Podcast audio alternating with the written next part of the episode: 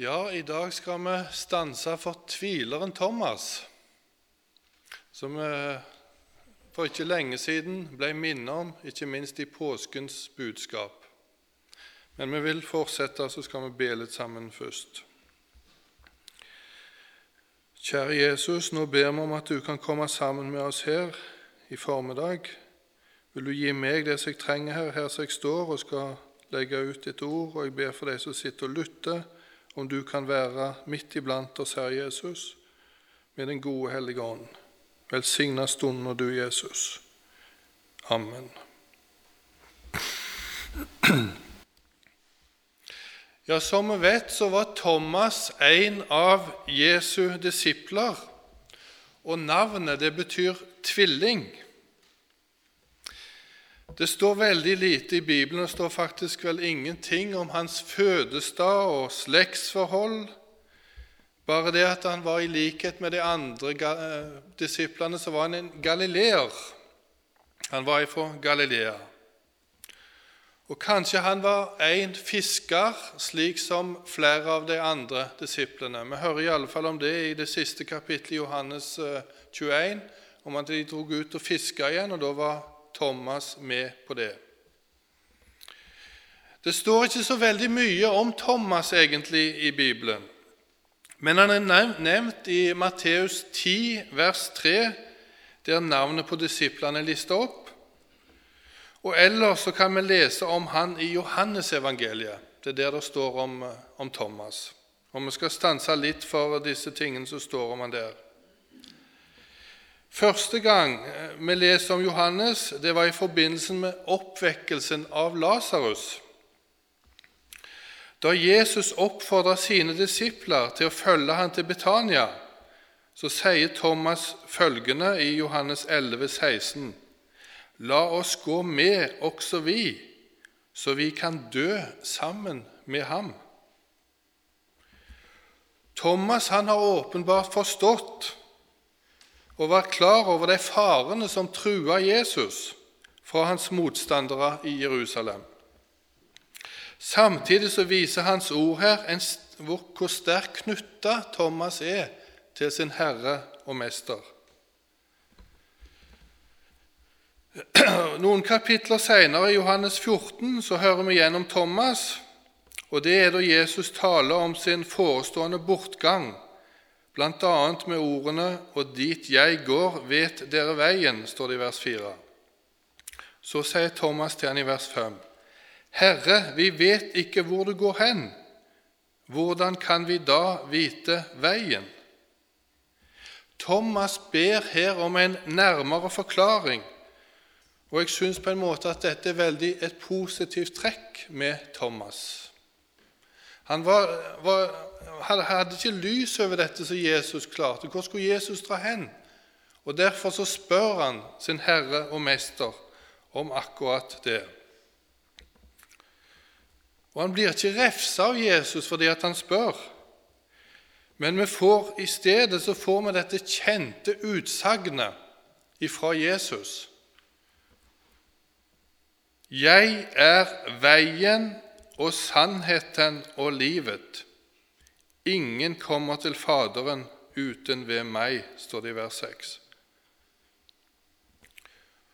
Og Kanskje ikke dette hadde stått i vår bibel hvis ikke Thomas hadde spurt.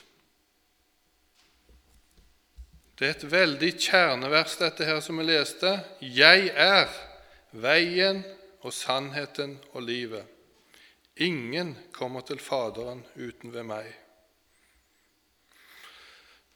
Og Vi merker oss her så bruker Jesus dette ordet som på gresk heter ego eimi. Jeg er. Og Det er egentlig Guds eget navn han bruker her. På hebraisk så, bestyr, så er det fire konsonanter. JHVA. Noen har oversatt det med Jehova, andre med Javé. Men av ærefrykt så unnlot jødene å uttale dette navnet. Derfor brukte de bare noen bokstaver. Og Så skal vi lese et par vers i andre Mosebok, fra det tredje kapittelet, og vers 13 og 14, som handler om da Herren åpenbarer seg for Moses For han spør nemlig hva som er Guds navn.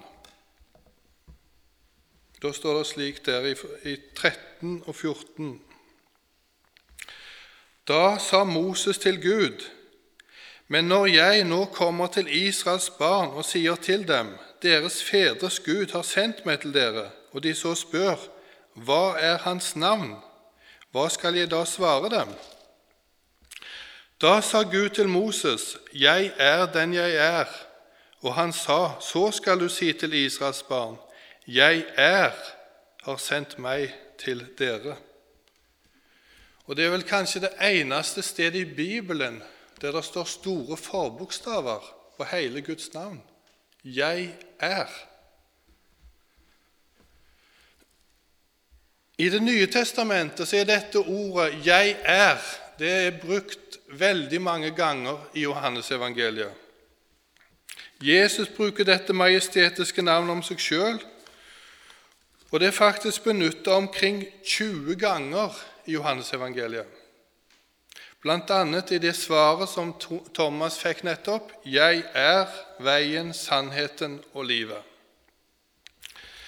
Vi skal stanse for ett eksempel der Jesus bruker dette navnet sitt, dette hellige navnet, og det skaper en spesiell reaksjon.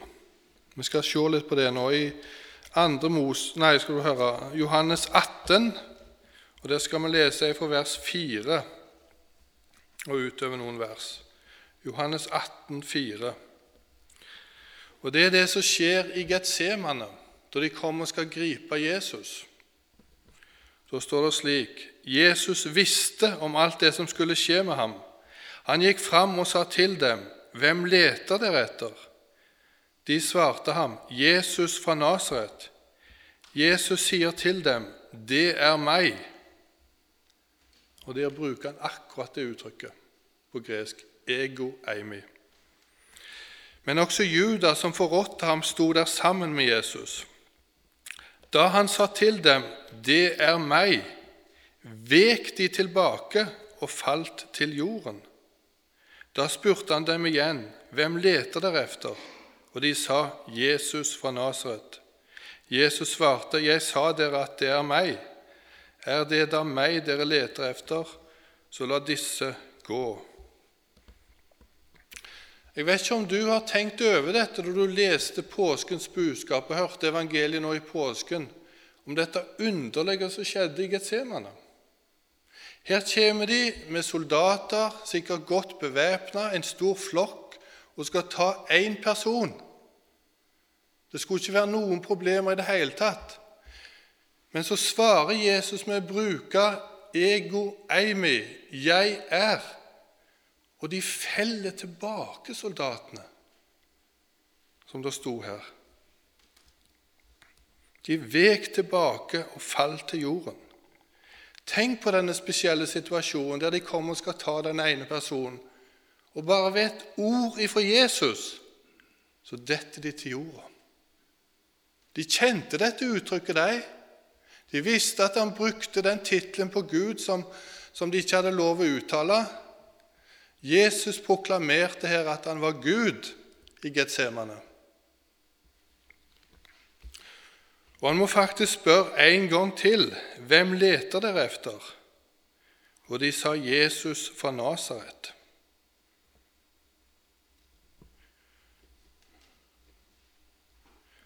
Og så svarer Jesus en setning som jeg syns er så veldig god. Er det da meg dere leter efter? så la disse gå. Her har du evangeliet i en setning. Her var Jesus villig til å bli tatt og, og, og dø for all verdens synd. Og så skulle vi, som får lov å ta vår tilflukt til Han, så får vi slippe fri. Hvorfor det? Han var villig til å bli tatt. Og vi har en stedfortreder da, som gjør at Jesus kan si er det da meg dere leter efter, så la disse gå. Dere tar meg i stedet, og da slipper disse andre fri. Ser du evangeliet i den setningen der for deg? Jesus døde for deg for at du skulle slippe fri. Jesus var villig til å ta på seg alle dine synder. slik at du skulle slippe en dag å møte framfor Gud med dine synder. Jesus tok det bort, og jeg og du slipper fri. Og jeg må si I går da jeg satt og forberedte meg og tenkte over dette Det ble så stort for meg å vite det at jeg òg var blant de som Jesus tenkte på der i Getsemane. Du var blant de. Alle mennesker på jord var egentlig blant de. Han gjorde opp for alle våre synder. Og Så ble det stort for min del å tenke på det at tenk det, dette budskapet her, det gjelder meg. Jeg har en levende frelser som har død for alle mine synder, som har tatt bort alt det som stengte mellom meg og Gud. Det er ingenting som står i veien der nå, for Jesus har rydda det vekk.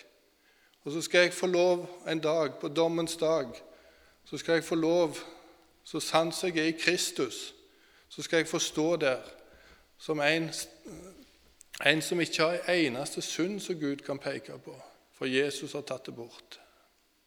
Det evangeliet der i Getsemane, denne setningen som Jesus sa. Så skal vi vende tilbake igjen til Thomas, og så skal vi stanse for den mest kjente beretningen om han som vi finner i Bibelen. og den, Det er i eh, Johannes 20. Der skal vi lese noen vers fra vers 24 og nedover. Men en av de tolv, Thomas, det er tvilling, var ikke sammen med dem da Jesus kom. De andre disiplene sa da til ham, 'Vi har sett Herren.' Men han sa til dem, 'Dersom jeg ikke får se naglemerket i hans hender' 'og stikke min finger i, i naglegapet' 'og legge min hånd i hans side, vil jeg ikke tro.' Åtte dager deretter var hans disipler igjen inne, og Thomas var med dem. Da kom Jesus mens dørene var lukket. Han sto midt iblant dem og sa, 'Fred være med dere.' Deretter sier han til Thomas, 'Rekk din finger hit og se mine hender.' 'Og rekk din hånd hit, legg den i min side.' 'Og vær ikke vantro, men troende.' Og Thomas svarte og sa til ham, 'Min Herre og min Gud.' Jesus sier til ham, 'Fordi du har sett meg, tror du.' Salige er de som ikke ser og likevel tror. Vi hører i denne beretningen om to ganger at Jesus åpenbarte seg for disiplene. Den første gangen da var ikke Thomas til stede da Jesus kom og åpenbarte seg for disiplene. Thomas sin plass i det hellige samfunnet sto tom da Jesus kom. Og dette er en veldig alvorlig sak. For Thomas han mista et møte med Jesus, han, fordi han var ikke til stede i det hellige samfunn. Han var ikke sammen med de andre disiplene da Jesus kom, og derfor så gikk han glipp av dette møtet med Jesus. Og Derfor er det også farlig hvis vår plass i det hellige samfunn står tom, for da kan vi òg gå glipp av et møte med Jesus. Tenk over det. Derfor er det viktig at vi samles sammen med de andre kristne i de hellige samfunn, for der kan Gud komme på besøk, og da er det viktig at jeg og du er på plass, slik at vi ikke misser et møte med Jesus. De andre de fortalte jo om det til Thomas om det de hadde opplevd. De vitna om det, og men Thomas kunne ikke tro at Jesus hadde vist seg for disiplene.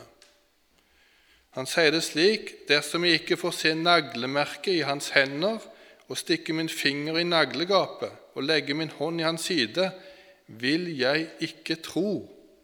Det er ganske sterke ord her som Thomas kommer med. Vi kan gjerne refse Thomas for hans tvil, men samtidig så syns jeg også det er noe positivt med det som han sier her. Hvorfor det? Jo, han vil ha sentrale bevis på at det virkelig var Jesus som de hadde møtt. Han snakker om naglegapene og sårene i hans side. Thomas ville ha et sentralt fundament for sin tro. Han ville være overbevist om at dette virkelig var Jesus. Og Da nevnte han disse tingene, naglegapene og stikk i sida, for det var det Jesus hadde. Og det var et bevis på at det virkelig var Jesus det var snakk om. Og Selv om vi også skal legge til at Thomas burde ha trutt da de andre disiplene kom med sitt vitnesbyrd, så vil han se dette sjøl, og han vil ha klare bevis. Han ville bygge troa si på et fundament som holder. Og Derfor så måtte han se dette sjøl. Åtte dager etterpå så åpenbarer Jesus seg på ny, og nå er heldigvis Thomas til stede i Det hellige samfunn. Han har nok undra seg storlig over det som de andre har fortalt om Jesus da han kom på besøk da han ikke var til stede. Og det har nok vært en lengsel i Thomas etter å tenke om Ego kunne få oppleve et sånt levende møte med Jesus. Og så er han til stede i de hellige samfunn. Tvilen han bar på, den leder han til det hellige samfunn. Det skal vi være obs på. Det er veldig viktig at tvilen leder den veien, og ikke lenger og lenger bort fra Jesus, men at den leder mot det hellige samfunn. For en vil så gjerne få vekk tvilen i møte med den oppstandende. Det er også mulig i dag for en kristen å falle i tvil. Ja, det kjenner vi på sikkert den enkelte. Er vi da opptatt av å få et møte med Jesus, slik at tvilen kan forsvinne som dogg for solen? Eller syns vi det er greit å leve i tvilens mørke? Du kan svare deg sjøl, vi kan bare la det spørsmålet ligge der. Men plutselig i alle fall, så står Jesus der midt iblant disiplene mens dørene var lukket, og sier 'Fred være med dere'. Så kan vi lure på det om Jesus kom denne gangen bare pga. at han skulle møte Thomas. Det, vet, det står det ikke om i Bibelen. Men eh, det var i alle fall Thomas som fikk spesialbehandling av Jesus på dette møtet.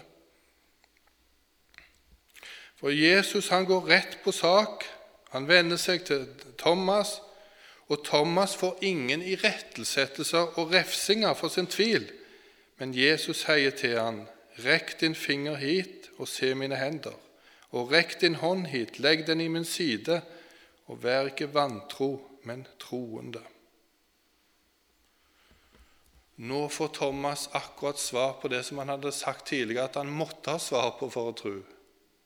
Og Her står han, og så forstår han at her framfor meg her står min frelser. Her står den oppstandende. Her står han som har dødd for alle mine synder.